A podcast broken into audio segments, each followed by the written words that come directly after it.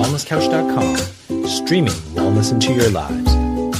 Welcome to Nourishing the Mother, featuring your hosts Bridget Wood and Julie Tenner.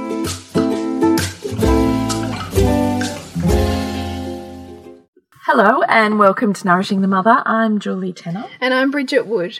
And today's podcast is sponsored by Bree Downs, doula and motherhood photography, who Bree is just the most divine woman, and I'm so, so grateful that she came Let's just say how our listeners would know her. Well, yeah.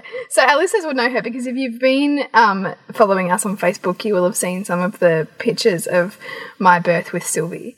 Um, and oh my god, like I've been watching the birth slideshow on repeat and seriously bawling my eyes out. Do you know what? That is the whole point Mm. of having your birth story photographed. Oh my gosh. Like, I think most, I mean, I've suggested it to every single woman I've come across, but most women meet me with, oh no. No, Mm. Yeah, like like, as if be it's going to be so gross or I don't want to know. Mm. And yet, what what I feel so deeply saddened about is that it's this one moment in life where you literally are going through a transformation Mm. process. If you've set your birth up right, you'll be nothing less than a goddess in this whole Mm. process. And you get to have these photographs that literally transport you for the rest of your life back to that moment. I'm like getting emotional now. I can't even tell you how sad it makes me that I don't have that. And I'd planned it for my third, but we never we never made it there because everything happened too quickly. yeah. But I see the beauty, particularly in your birth story, Bridget, with those photos that Bree's, and I think they're extraordinary. Mm. And just to be able to see and and taste almost and smell mm. everything mm. again after the fact is not even just healing. It's like I don't even know, just a love bomb that you get to go back to. Yeah, and I think it, I think it's so easy that you know time and memory distorts the reality of what you go through in birth, and you know, it's such a mm. primal time, you mm. know, with, with so much emotion. That, And you can be so lost on your inward that you've got almost no reference for what's happening yeah, around and you. And I mean, I certainly found that with my first birth that mm. that I think I don't think I wanted photos, and I think my mum might have taken one, and I've never been able to find it again, and I really wish I could find it because that for me was such a transformative and powerful journey, you know, to self, to, you know, my power as a woman, you know, to mm. meeting my baby and to have not have any record of that, you know, Yes, is exactly. is is kind of sad. And it's funny because we don't think twice about photographing our wedding. It's just what you mm. do. And yet, you know, the births of your children, they're, they're like pivotal moments in your life. Mm. It's because of the rawness, I think. but with Mm, vulnerability yeah, the vulnerability that's there. But I mean, you never have to share these with anyone other than yourself. But I bet you will because of their magnificence. Like me. But the, I mean, you know, that's I take my hat off to you because that's hugely vulnerable and courageous Mm. just doing that. But the power of an image with other women. I mean, they, they- I mean, how how crazy did that photo go of Mm. Oh, yeah. yours? Because women resonated with that. They saw themselves in, Mm. In a way in that. And so, in, I I think in some some women almost felt like it was a gift that I was giving them to share.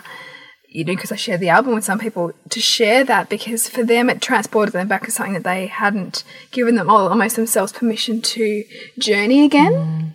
Be- because it takes them take every woman sees some some, some part of their self mm. themselves in that in that kind of rawness and that vulnerability and that you know point that birth takes you to which almost feels like you're going to break mm. open you know physically and spiritually and emotionally like on every level so I thought it was really fitting that we that we talk a little bit about what Bree does and, and I guess in terms of how powerful it was for me to have her in my space. And you know she was also there you know in the weeks leading up to the birth and she mm. came and visited a few days after Sylvie was born. So we've kind of got this you know like beautiful kind of photojournalism kind of thing happening for our for our family around that really you know pivotal time of her coming into the world. So if you're looking for um, someone to capture whether Your it's story. yeah your story, whether it's a story of motherhood, whether it's a new baby, whether it is the birth, Bree is amazing, and it's very fitting for our topic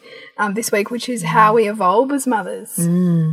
And it really came about because you and I had started this conversation not five minutes before we started recording, where I'd done a Facebook post today, and it was my daughter's, my youngest three year old birthday on her third, I shouldn't say three year old, her third birthday on Sunday.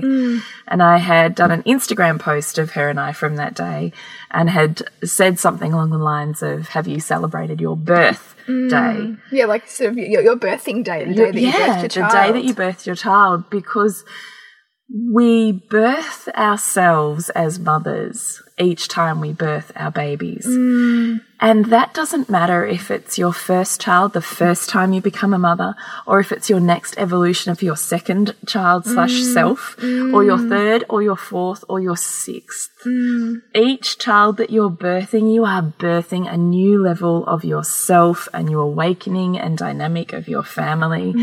And yet, every time I say this sentence at a blessing way or something along those lines, I'm always shocked at the moments that women take to process what that means. It's almost like that mm. gravity of, wow, I've never stopped to think about the mm. fact that I really birthed myself in mm. birthing my child and that I have a tenderness around that Yeah. that each time they're a year older, there's a tenderness there because it's such that almost energetic tra- time transport wormhole mm. back to those very tender transformative moments. Mm. So that's kind of where we wanted to start here Yeah, today was and- this concept of how we evolve as mothers, how we evolve, you know, individually and collectively. Mm. So where do you want to go from here? Well, I mean, I think it's often said as a throwaway statement that, you know, certainly with subsequent children, you know, the second child, you've got a few less photos than the first child, and by the third child, you've got no photos. It, it's kind of that simple way of saying that you become more chilled out, in inverted commas, as a mother. Um, but I think it's more um, nuanced than that, and I think it's more complex than that because for many women, the mother how they mother is an evolution of of how they feel about themselves and, and the love that they have for themselves because every time that you're faced with a new child you know whether it's the birth of a child or whether it's your child growing in age you're having to deepen your your sense of unconditional love for that child because they're taking you to new um, depths of yourself, you know, mm. new edges that you didn't mm. know that you had, mm. which, you know, which is where where our growth is, right? We know we really mm. have to feel into those places and and go into the the parts that we really want to resist. And it's why our first often is feels like they break us or that we break them. Yeah, right? Because yeah. it's kind of this first crack mm. at not rebirthing, but um what's the word? Re-bringing ourselves up. Yeah, Is yeah. each so- time they hit an age or a mm. stage, that's our first crack at ourselves at that age or stage. And so we, you know, it's it's painful and, And- we resist it and we haven't got the toolkit and Yeah. it's this but, huge and, but even when you do, I mean, even when because I was listening to Dr. Shaf- another, you know, I'm kind oh, of loving Dr. she's Shefali. all over it at the moment, isn't Yeah, and so I was watching an interview with her today, and even you know, she talks about it, and I love how candid she is and how honest she is in saying it doesn't matter who she, even though she's some clinical psychologist and she's been meditating for 30 years, she's still triggered, you know, all the time by her mm. daughter and had rid- ridiculous idealistic views of becoming a parent.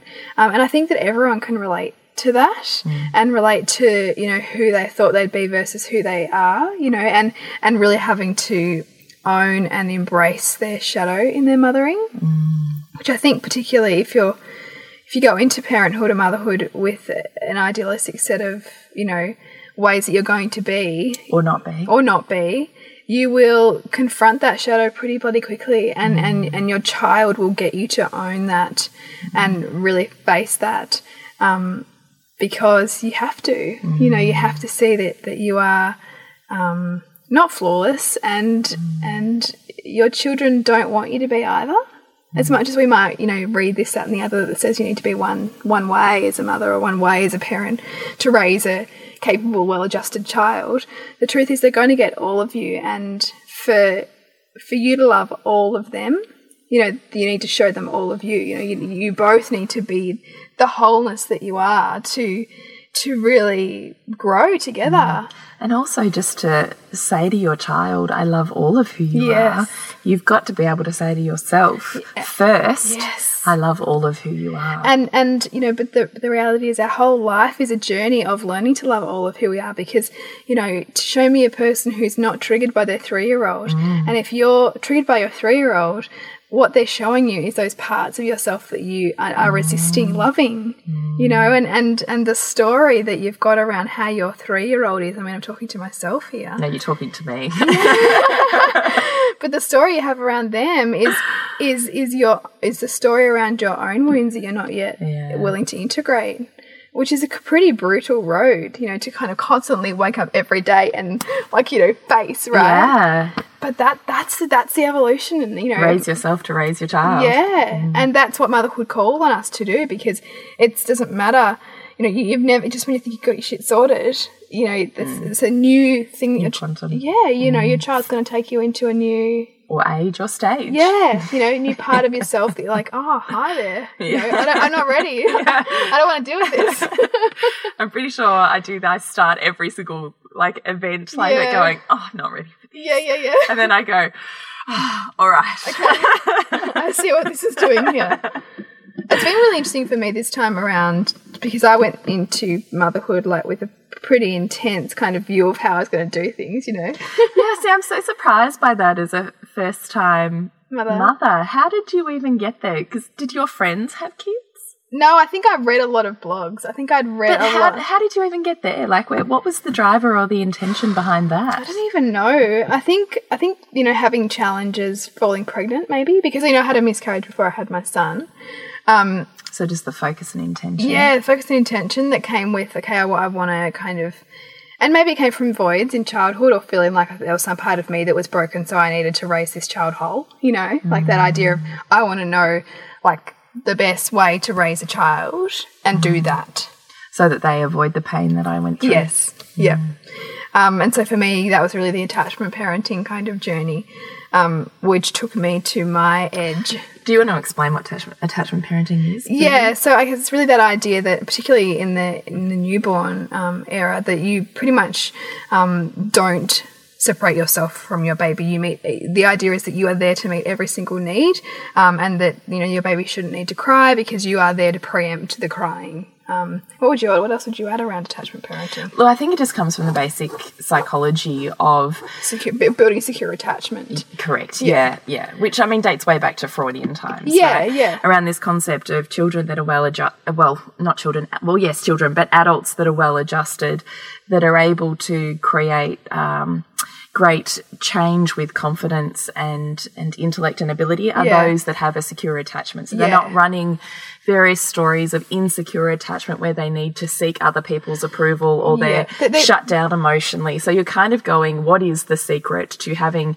an empathetic, attached, and um, Secure, well-adjusted adult. Really. yes, correct. Yeah. And it comes from the theory of attachment theory, which you can date way back to Freudian times. Yeah. So it comes from that, and then it's extended beyond that into, I suppose, a, a set of uh, conscious parenting rules. yeah I'm and practices yeah Yes. um and you know you can take those to i guess whatever extreme that you want but i certainly interpret it as you know in my case well my child's crying so that's something that i'm not doing right then you know Mm. and, and really taking the crying as you That know you were missing something. that I was missing something, or that you know that it was really wrong, and that, that I, I was harming him by him crying, and so of course he continued That's to cry. a big one, isn't it? oh, it's massive. yeah, and so that I'm harming him if he's crying, or that I'm not not, meeting meeting, his his, needs. needs. Yeah. And so, you know, he would cry every day for two hours, and I was by myself in this ha- in the house because, and my husband was working massively long hours, and it was so so so difficult for me to be with those tears. You know, I would constantly try and put him on the breast, like just try and feed him, just try and feed him, just try and feed him, because I wouldn't use a dummy because like dummies just mm. wasn't- that wasn't down, like that, that wasn't okay with the kind of what I was subscribing to. Particularly um, in the attachment world, there's a lot of, I think, um, information around dummies of not so much from an aware parenting perspective, Yeah. which you might move into, but from that concept of, of nipple confusion. Yes, That it alters, in fact, um, the supply demand or demand supply of Yeah, of breastfeeding, breastfeeding. and even the ability to breastfeed. and certainly with attachment parenting, you know, breastfeeding is like kind of like the the the pinnacle of attachment parenting you know, and being able to breastfeed on demand and whenever your child whimpers you know the breast is there really.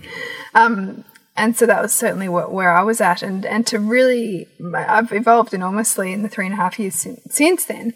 And so to now have a newborn again and, and be kind of confronting myself with that same kind of you know you know, new, needy newborn and how I meet Did you those have a needs. new set of ideals now, though? Yes. Like moving into it? So what yeah, well, I mean, kind of ideals Well, you had moving I mean, into it? certainly aware parenting. You know, I had no concept of that before, and I certainly, you know, would have been aghast at the idea of holding my baby while they cry and thinking that crying was okay. Mm. You know, back then. Um, but whereas now, you know, I absolutely see the need for um, babies to release emotional trauma and you know overstimulation and frustration and all of the kinds of myriad of experiences that babies have in a day um, through tears. And that the, the, the crying mechanism even physiologically can be enormously healing. You know they actually release a certain stress hormone through tears. Um, but you know the tears that are that are done in a supported way that is holding the baby while they cry and actually being present to the baby as opposed to closing the door and leaving them. Um, and so you know now I have a practice where I will do that for probably hold her um, for at least half an hour a day and allow her to express those, those you know those feelings. And it's just something that I could never have done like wouldn't it wouldn't even even even entered my stratosphere when Hugo was a newborn. And so and, and even just being aware of the feelings that come up um, around for you during for that me time? for during that time and also you know even tonight being sitting here podcasting and she's inside with my husband and and you know I really haven't left her. She's what what how is she how old is she? Three weeks old. I haven't really left her yet. But also knowing that if she cries it's okay. You know that she's going to be supported and yes she might need a feed, but even if she does, she'll be okay for half an hour, you know. Whereas before, I would have been like, oh no, but I need to be with her and I need to meet her needs, and she's relying on me, and that whole story that you that you Because what's bring up. behind that? Because if you don't do that, what's happening to her? Yeah, wow. Um, Or she, him, she, really? yeah, I I think it's really that that you know that he'll be scarred emotionally that that I wasn't That there you're for absent. him. You know that I was absent, and that you know he he would be uh, that would detrim- be detrimental to his adjustment in later childhood or adulthood. So how do you see that now?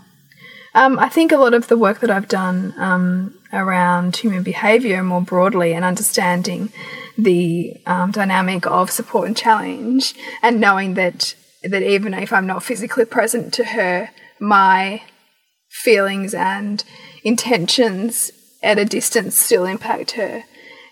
It was something that I had no concept of then, and so I can certainly be a lot more balanced in my perception around the whole thing now, um, which I think is a lot healthier than I than I than it would have than it was, you know, first time around.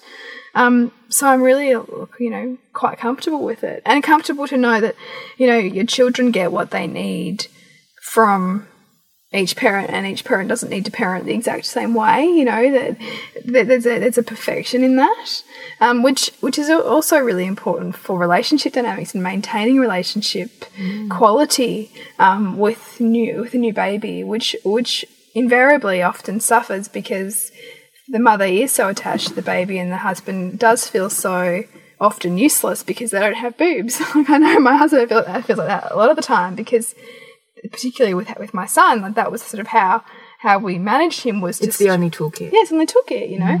But I mean, the great thing about aware parenting is that, it's another set of tools that mean that doesn't you don't it doesn't have to be Just you. just just you.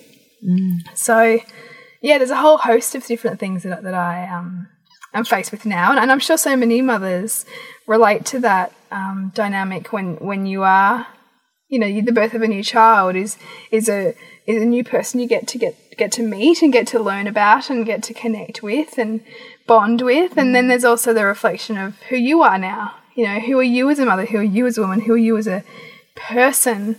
Um, which is likely often going to be, you know, quite evolved than who you were before. And I know, Jules, that's certainly your experience. You know, with every one of your children, there's been a different kind of toolkit that you've had to bring to that, not simply because the children were different, but because you were different and your views were different. Yeah, I think when we're talking about dynamics, it's that very delicate interplay between the two, isn't it? Yeah, yeah. That I think it, it's totally both. Mm. You know, and I often think you can go, you can enter this stage of parenthood with as many ideals in whatever format as you want to take it. But ultimately, it's who you get, not what you do. Yeah, yeah. I really think that because, um, you know, I would say between my, definitely between my first and second, there was a big toolkit change. yeah, right. Um, first child, I did all my focus on the birth and then had zero idea about what you do once you Which actually is interesting that you had all that focus on the birth for your first, because usually that's like a lot of people are like a bit a bit blasé about the birth, and then they go, "Oh shit, that was a disaster. I'll focus on that next time." It's interesting, isn't it? But I think it's because I've always been so body centric. Yes. given my story of detachment and my conscious seeking of attachment to my body. Yes. I've always been acutely aware of it. And couple that with similar to your story, this um, sensation of being broken Mm. and wanting to be whole or get it right. Yeah. So I think both of those things drove that. Plus, I was a naturopath. And so, um, you know, I had studied uh, with a, a huge amount of people that were much, much older than me. And so most of them were mums already, whereas none of ah. my friends were mums yet. Yeah. And so, what I witnessed, particularly in this natural health world, was how many births really go naturally. Yeah. Yeah. Yeah. because there's an intention towards that and there's a body consciousness that I think probably doesn't exist for a lot of other people if you're not in that field. yeah. And so what I actually did, which I now recognize in hindsight as being absolutely fucking gold and I just want to kiss myself for doing it. I want to kiss myself. That's a quote for this week. it's true. Was I started to look at all of the stories that were horrendous from births mm. and all of the stories that were empowered and magnificent. And I started to do what I do best dissect them Yeah. into a series of common denominators. I love this.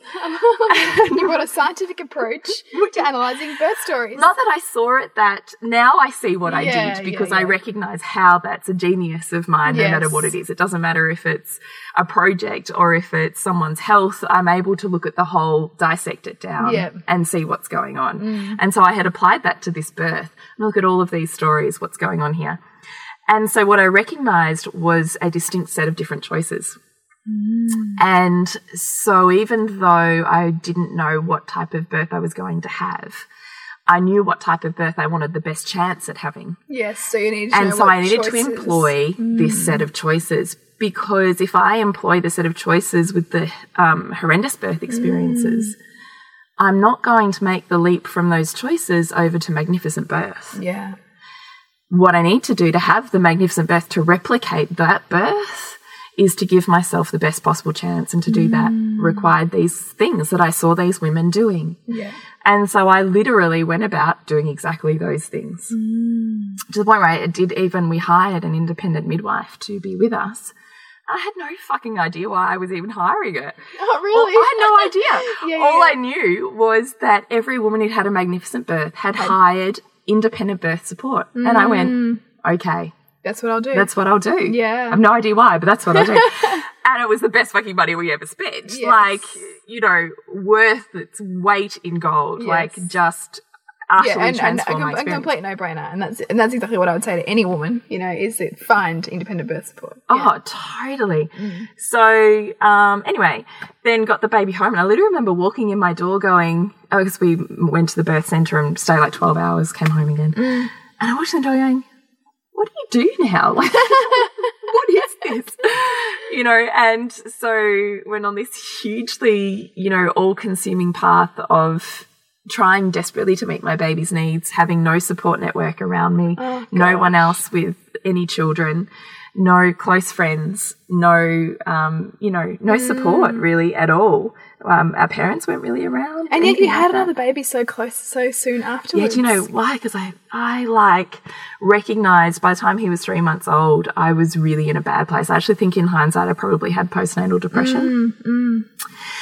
And that was the impetus that made me seek wider than what my local community could give me. So I mm. started to find like-minded people. So I looked Yeah. in the natural parenting play groups. This is like my story, but you know, like 10 years earlier. Yeah, yeah, yeah, that's earlier. right. And so it's this huge kind of loopy, mm. windy path of hit and miss and things I think I did really well and things I totally feel still that were don't sit comfortably with me. Mm.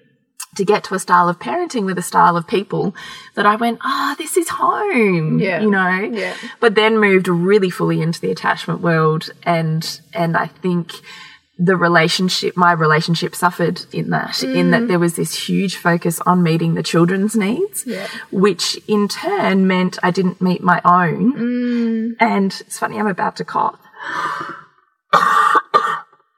isn't that funny interesting Yeah, yeah. So in turn there was no focus on the relationship Yeah, because if you couldn't even meet your own needs, how could you possibly meet your husband's Exactly, needs? right? Yeah. so and, and and this this is also my my my beef with um you know attachment Attachment parenting. parenting. yeah mine too you know is where's the space for you Yeah. where's the oxygen mask for mum to Yeah. actually be in the spaciousness to actually be emotionally connected Mm. so you're just in the act of doing because you're resourceless yeah you're not present anyway no exactly. You're just simply going through the oh excuse me coughing Which while is- I deal which with is- my emotional stuck in my throat yeah business. yeah. But which is you know if you're just and that was certainly my story you know i i would did the cloth napping. I was you know Yeah, like the never let put my baby down you know boob in his mouth all the yeah, time yeah. but there was an also and and like madly researching you know i would spend like so long like feeding him and just not even looking at him just reading you know reading books not my baby you know and mm. how and that's supposed to be like attachment parenting. Well that was no connect that wasn't connected. Mm. You know so i think that can be a bit of a, a it's almost like a bit of a religion in some ways. I don't know. Yeah it is. And i think there's a lot of beauty in it yeah but not to the point of burnout and detriment That's right, and I think it's knowing where that, that, that point is, and I think for new mothers particularly, it can be very, very easy to lose yourself mm. in motherhood, and I think attachment parenting even more so because it's it's asking you to give Everything. almost yeah everything, and and Everything. no no every human part of yourself and, and also I think probably deny those natural feelings that are going to come up of resentment when you do that. Because yeah because, exactly. because no one There's is no space for the no, darkness. there's that no one is supposed to, you're not actually supposed to be totally loving on the fact that you are with your baby 24/7 it is completely natural to feel like you need some space Mm-hmm. you know and whether that's whether you can find that space within yourself with the baby or Mm-hmm. not you know for a lot of women you haven't got that toolkit yet so it's just like i need distance Mm. you know and, and but but it's it's not okay you know which then which then prompts women to push those feelings deeper and deeper Yes. and deeper and Which in essence is funny, right? Because in trying to achieve more connection, you're actually embedding more disconnection. yeah yeah. It's quite a paradox, really. it isn't is it really is Um, so yes, but then look, the gift of that was, I suppose, coming in at that point when my son was already in this world, rather than having the toolkit beforehand, was I kind of had a foot in both camps, mainstream and attachment at that Yeah. point in time. because you had because you had the kids so close together is that what you mean No, just with Heath because because the only toolkit from the maternal and child health nurse was um, control crying. yeah yeah which I had certainly dabbled in, which still sits uncomfortably for me. But Yeah. then again, I I don't want to judge it either because I still see how there's there's both sides to that yeah choice. yeah yeah Wow, I'm struggling in this one. Um, so by the time he was nine months old, he was like, I remember thinking, this is so freaking easy. I need another baby. I'm Be- bored. because you because you had sleep trained him and he was Yeah. really like down with it wow yeah, all of the above. And just really easy because I'm highly routine based and still am. yeah our days were like I was literally remember feeling bored. gosh Yeah. And so and my sister and I are 18 months apart. Yeah. Mm. And that had worked really well for us. And so I did have in my head I wanted kids close, close together. together anyway. yep yep And so to come from three months where I was depressed and rock bottom to six months later when he's nine months Mm. old, I felt on top of the world. yeah wow You know, it's some pretty big transformation in that time. And largely that's what support and community and finding your tribe does, isn't it? Um, so I was pregnant with Jade. and at that point, then I moved really deeply into the attachment parenting world. So I was having a home birth. I was co-sleeping. Mm. And look, I got this beautiful angel who that's all she ever wanted. Like still, she's, we call her the wedge because it doesn't matter how close Nick and I are sitting together, she will like wedge her way in between. Oh, between. really? Yeah. She's still the child that, that wants, you know, That closeness and ah, skin to skin. And I just remember her, like, she never, I think I've said it before, she never slept in a cot, she never slept on her own. I definitely didn't, um, I didn't do any sort of aware parenting, even though I, I knew about it by then. I didn't start that with her till she was about six or seven months old. yeah.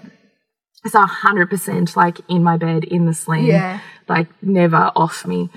And mostly I have to tell you, I like freaking loved it. Like having Mm. come from this guilt laden, routine based first child Yeah. to this total, utter hippie freedom, Yeah, like just go- revolt going. against the mainstream Yes.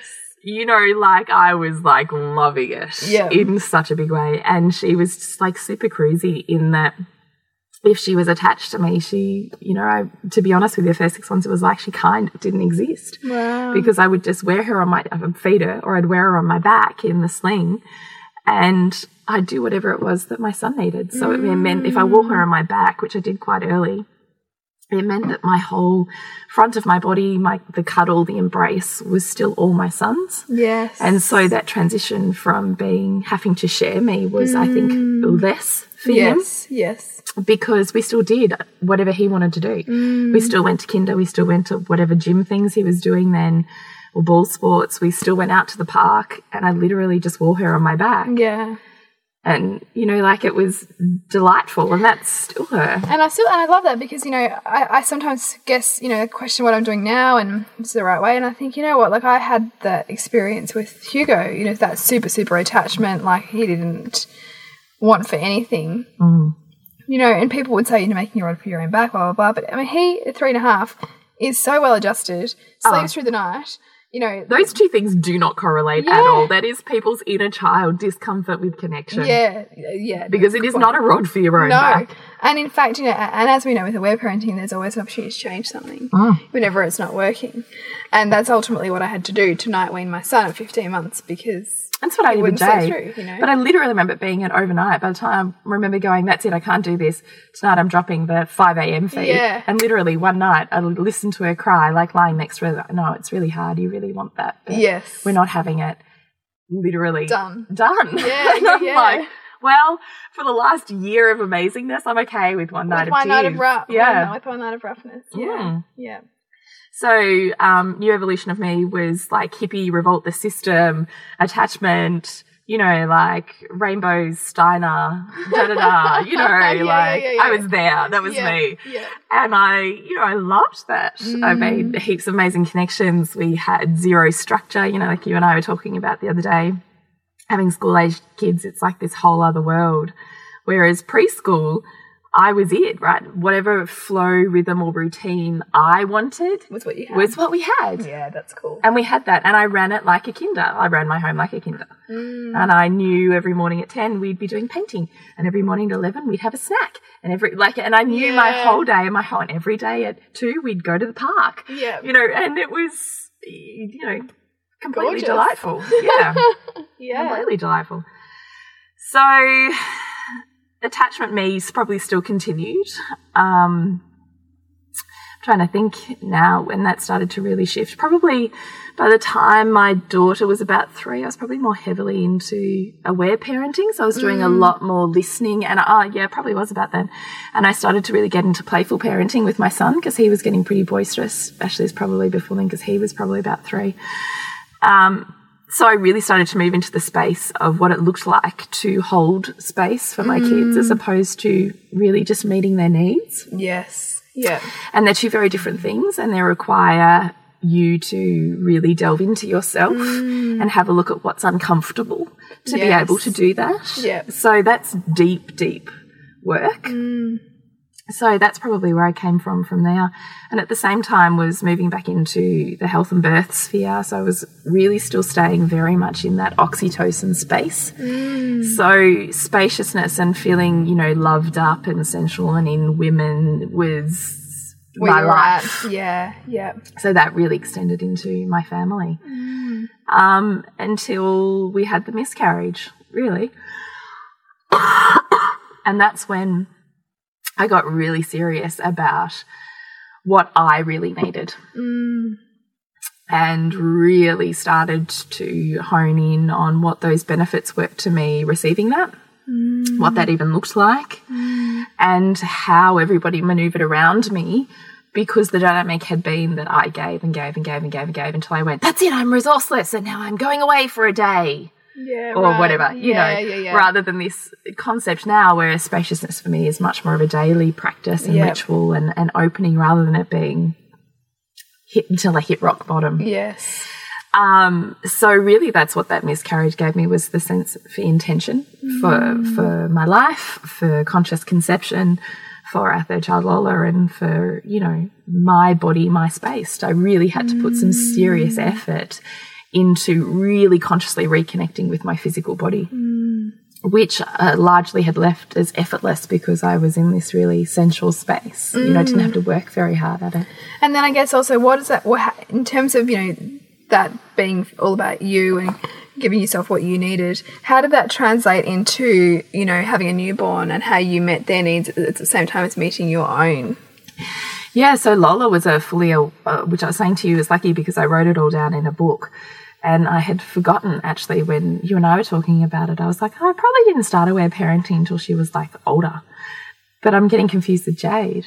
And so I was starting to look back on, on Lola's book. and I realized that we started it almost from day one. So, um, what did that look like for me was a total comfort around my husband taking on a caring role of Lola mm. that I didn't need to be there. I didn't mm. need to be the self sacrificing martyr to the point of breakdown in order for the family to work. Yeah. Because guess what? When I step back, someone steps in. Mm. And you know, the blessing of having older older siblings, and it still is, is that whilst I have three kids and it's busy, when I can't meet my kids' needs, someone else does. Yeah. And it's trusting that too, isn't it? You know, as I was, I was before we started recording, even I can see this dynamic happening even in our family, where my son is just at any opportunity he's there, like he and he's always talking about how much he loves her and how she's so beautiful, and you know, like he mm. wants to be in her space. And I think, wow, like okay, so because she's getting like you know support challenge, and her needs are always being met, and you know, maybe wherever my husband and I can't totally give her that. My son's now in, Yeah, the, in that space. You know, he's now giving her that mm. connection. If if I if I've disconnected for whatever reason, and it's just beautiful to kind of witness that fluidity and and trust that So you know, like trust that they're getting what they need. And when you when you realize that, and when you really realize that the good serves as much as what you perceive to be your bad, mm. Then it's really just for me comes back to self care. Yeah, Is it's a constant then check in around if I'm feeling good, everyone around me is feeling good. yes, If I'm feeling nasty, everyone around me mm. is feral. yes, yeah, So it's really taking a hugely conscious role around my play in that dynamic. Mm. And I'm no, I'm not. I was supposed to say I'm sorry, ladies, but I'm not. But I wish we would give gravity to the fact that we literally are the center of, of this universe, of mm. this family. Mm. Yeah, I really have been sitting with that idea a little bit more, thinking about how much the intention and um, of the of the mother and the the focus that the mother gives to how she wants to um, be in herself and in her family really is like the, it's like the epicenter, you know, and, and what you give to yourself and what what intention you put out is is is central to how your family functions. Yeah, it literally is. And that there's the removal of you having to to force that or be that or that it has to look one way. So when you really start to see the universal perfection of, you know, when you withdraw some of your love and attention, that there's benefits to your children in resourcefulness, in learning how to be on their own or how to, to cope. As much as if you met their needs and did it for them. Yes. There's benefits both ways, Yeah, right? yeah. Ah, sorry, I'm still getting over my um, cold from this week. It's okay. You sound like me about two months ago. Seriously, right? We had like a good string of podcasts. that was We me. role so- reversed. yeah. Um, so, um, how did that translate for me in this evolution was just this huge awareness around um, really taking that ownership on for myself and mm. really, really, really being vigilant about my self care. Mm. And what, what I love about that is what, you know, you having daughters particularly and a son, is what message that sends to mm. them too. You know, about, you know, because there's there's two ways to look at it. You can either see that as, you know, the mother not putting her kids first and, and you know, kind of the, the, that self indulgent kind of story that, that some people might subscribe to around that kind of practice. But I much prefer the example that that sets and how you are exemplifying what it looks like to meet your own needs first so you can then meet everybody else's. Yes, because it's not meeting needs out of selfishness. No. It's meeting your needs so that you can be connected when you're with mm. your family mm. rather than being there in body but being disconnected emotionally or Yeah, mentally. be- yeah, because you're not able to even be be there. no, be like if you're to be there, be there. Hmm. Because everybody's better off with you not being there if you're disconnected. yeah, yeah, hmm. And this is the whole thing with even childcare or different caregivers that our children may have, hmm. is if we don't have the spaciousness or resourcefulness, they are getting better love, care, and attention from those that can give it to them. Mm. Doesn't have to be a mum. no, it needs to be somebody who can meet their needs or values, you know, and really, Totally. So it just has we just have to shift our thinking around us mm. being literally the only available option for everybody's needs. Mm. To how do I want my kids to grow up? What do I want them to see? And I want them to see someone who's, you know, flawed but willing to own that. yeah, I'm willing to grow in that. Yes, absolutely. Mm. And willing to say, honey, you can be anything in this world because that's what I'm trying to do for myself Yeah, or willing to to say to them this is what it feels like to just be happy in your life mm. and that's what i want for you i want you to feel this this that we have this bubble of in our home of just mm. bliss and contentment mm. whatever form that comes in for you that's the feeling i want you to take away and replicate Yeah. And really, it take and it takes work and intention and spaciousness with, within yourself to be able to cultivate that. You know, I guess again, epicenter within your home and family. That that's what you want to cultivate. Mm-hmm. You know, it, it starts with you, yeah it really does. And I think it, you know it starts with that awareness of how you evolve as a mother, how you are continuing to evolve as a mother, and bringing consciousness to how you want to evolve in your mothering. Mm. And I really honestly think also just that one slow day that you might have a week, mm. you might even work full time. But if you really make intention around one slow day, mm. the connection and the love bubble that comes out from that, I can't even tell you. Well, it can feed the whole week, can't it? Or It literally more, does. you know? Mm. It literally does. Like we just for Father's Day, my daughter's birthday, we had a really slow day. And we found the most beautiful gardens up in the hills. If you're in Melbourne, we went to the George Tindale Memorial Gardens and they were absolutely heaven. Like this mossy fairyland oasis. Oh, gorgeous. Oh, and we just mucked around there all afternoon. And it was so, so gorgeous. Like there is just something about having nobody around and just being in your family. Mm. You know, like, and falling in love with them. You know, like I still, and we're now, what, two, three days later, and we've all been sick. Yet I feel incredible spaciousness and connection because that's what's rippling through everybody at the moment. How beautiful. And even tonight, my son was ribbing my um, middle daughter up about something. And she just turned around to me. She goes, Mum thinks I'm gorgeous all of the time. She thinks I'm super cute. And uh, I know that. and I was like, yes. I do. But I thought that's because she's vibed that on Sunday because we um. spent hours lying together and just gazing at each other and talking and she loves drama so we were having these family plays and you know like just stuff like that Yeah. that you see rippling out through the rest of the week. Mm. My son's been sick today and so he's like this morning he made me a coffee. Do you need anything else mum? Can I eat something else? Yes I'll go do that for Lola. I'll make her breakfast. And I was like oh my God, this is so what a day of slowness does. Yeah. And just really saying again that, you know, because in those times I'm trying to get some work done Yeah. and being able to say to them, no, I really have to get some work done. And they recognize almost that tone or that energy shift within mm. me and they sort themselves out.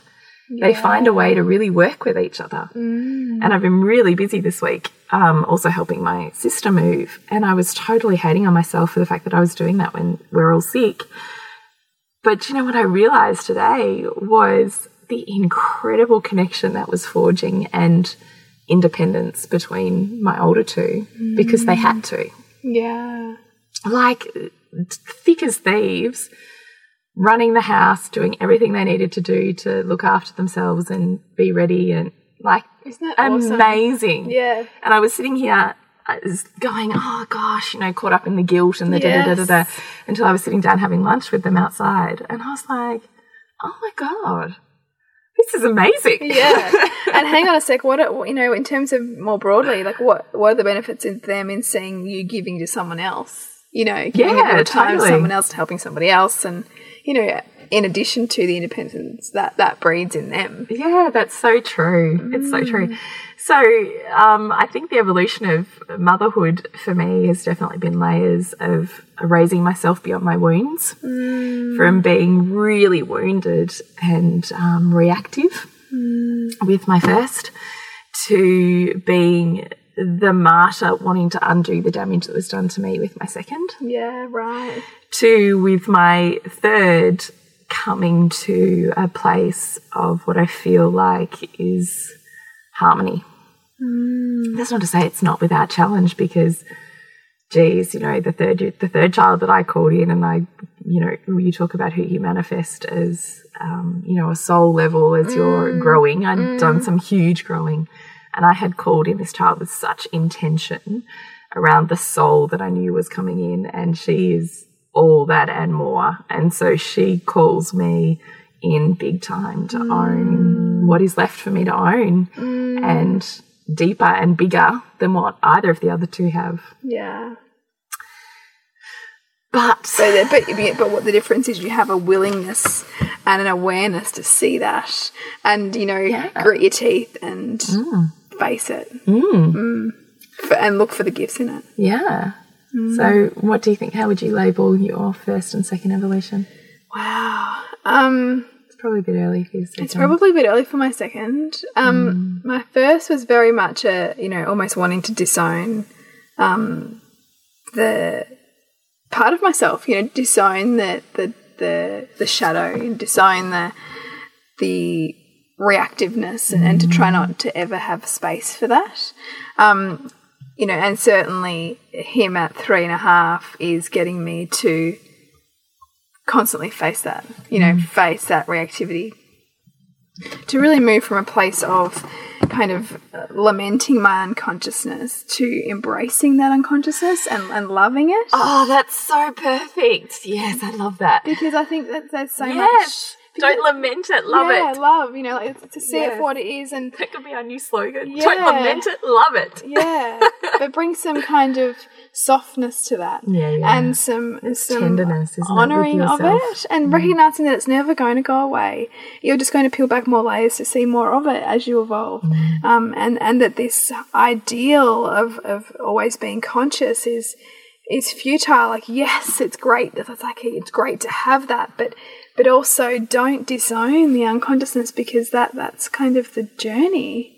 And there's the richness in that. So certainly I, I think that that's what he's calling me to and i'm sure that she's going to do that even more so. It's all you know that even just the you know how do you be as a you know when you've got two screaming children you know and and and you can't hold space for them. You know how do you turn around and love that? You know mm. and love that they're going to be okay um, so I think that certainly this time around, it's definitely getting me to, I guess, have a bit more perspective um, and see see myself as more than a mother, and probably detach some of my ego from myself simply as a mother, because I think there was a lot of my own ego deeply invested in doing things the right way, the way I perceived was the right way with Hugo early on, um, and and kind of almost wanting to wear that as a badge that I somehow had my had all the answers. Um, whereas now I, you Which know, really is covering wounds of vulnerability. absolutely, and you know now even you know I, I still I still question if it's the right approach Oh God, you I know, like with with what I'm doing, but because I can see now, like know, the stuff that I condemned, like things like control crying, they really work for some people, you know. And the truth is, we're always repressing something. We're never mm. ever going to be fully expressed. Mm. So, you know, if the child does repress something, is that so bad? Because we always are anyway. You know, like so. Or even what if the repression leads to a genius? Exactly. Like, how do we even know Yeah. what we're hindering or um, expanding when we make those choices? Yeah, and so I think I mean, and, and I guess that the fact that, that that I do have a much more open minded view of all of the spectrum of different ways people choose to parent.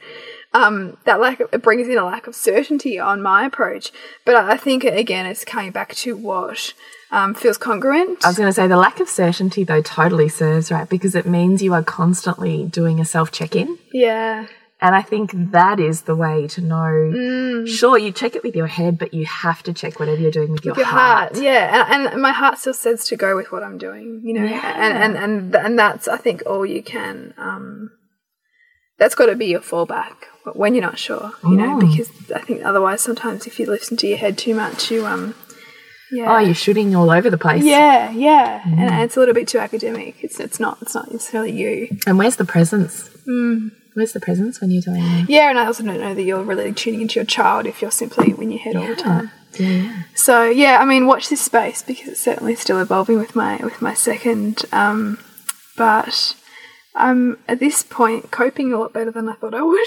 yeah, so I had a lot of kind of uncertainty around Yeah, how, you did. You were really unsure, yeah, how I would manage the two. And you know, spaciousness just increases, doesn't it? it does. It's yeah. extraordinary how that happens. Yeah, and I think also I'm. It's, it's like you know, no, this is my challenge. Like you know, even when I even I had my son was really really sick last week, um, you know, and you know had like you know a two week old and. And I thought, oh God, I could just leave him here at mum's and he can stay here the night. And I thought, no, like, because my husband was out as well. Hmm. I thought, no, like, deal. this is not, this is my challenge. Like, this is mine to grow into Oh, sweetie. you know so even just bringing awareness to those things like yeah i hmm. could have taken the easier route but but then i wouldn't have had the opportunity to me figure out how to do it all you know like to do the the bath and the dinner through- and the bed and you know and all that stuff with a sick kid like And the thing is, when you embrace that challenge, you actually get more growth yeah in Yeah. that process. Yeah, and rather I than guess- handing that over. that's right and know mm. more ability to kind of go and reflect and go okay i could i did that you know I know I can do it. Yeah, I can How do it. powerful is that? yeah it's like when you were saying I got this. it's like when you were saying that you managed to do the school run like with the newborn and you're Oh like, yes, God, yeah. When I had my third, and Yeah. I was like, I'd got lunchboxes done and kids to school and and Yeah. child back fed. I was like fist pumping. I just wanted to like be out in the road, Yeah, like running you- past cars. did Woo, you see high that? five! Did- did you see that? I know. Did you just see that? I love it. Yeah, so I hope that that's given some perspective to other mothers on the journey, um, and and of course we'd absolutely love if you'd want to share something of your own um, evolution because I think we all have a story around it, and that story is still unfolding. Um, yeah, so please get in touch, and if you've enjoyed this episode, please rate us on iTunes because that certainly keeps people interested um, around the world in what we're doing and, and this space we're creating. Uh, and to connect with you, Jules, is thepleasurenutritionist.com.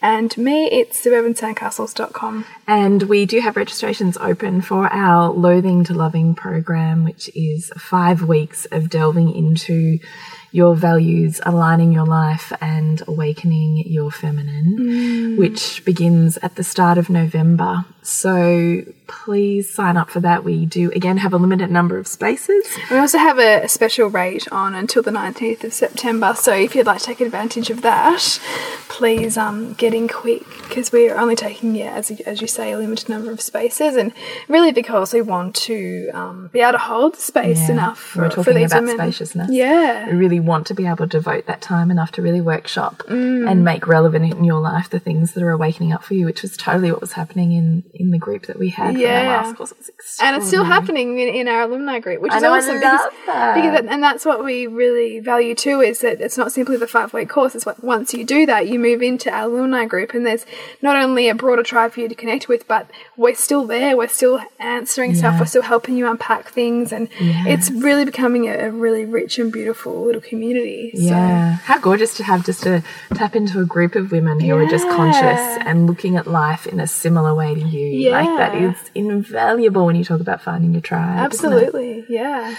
So please connect with us at nourishingthemother.com.au and on Facebook. We love your questions. We love your emails. If you've got something you would love us to open up or tackle as a topic, it's really great for us to have something specific because it Yeah. means we can really dive deep. It does. And we'll see you next week when we continue to peel back the layers on your mothering journey. This has been a production of TheWellnessCouch.com. Check us out on Facebook and join in the conversation on Facebook.com forward slash The Wellness Couch. Subscribe to each show on iTunes and check us out on Twitter. The Wellness Couch, streaming wellness into your lives. Whilst the Wellness Couch presenter endeavor to provide accurate and helpful information to their listeners, these podcasts cannot take into account individual circumstances and are not intended to be a substitute for health and medical advice from a qualified health professional. You should always seek the advice of a qualified health professional before acting on any of the information provided by any of the Wellness Couch podcasts.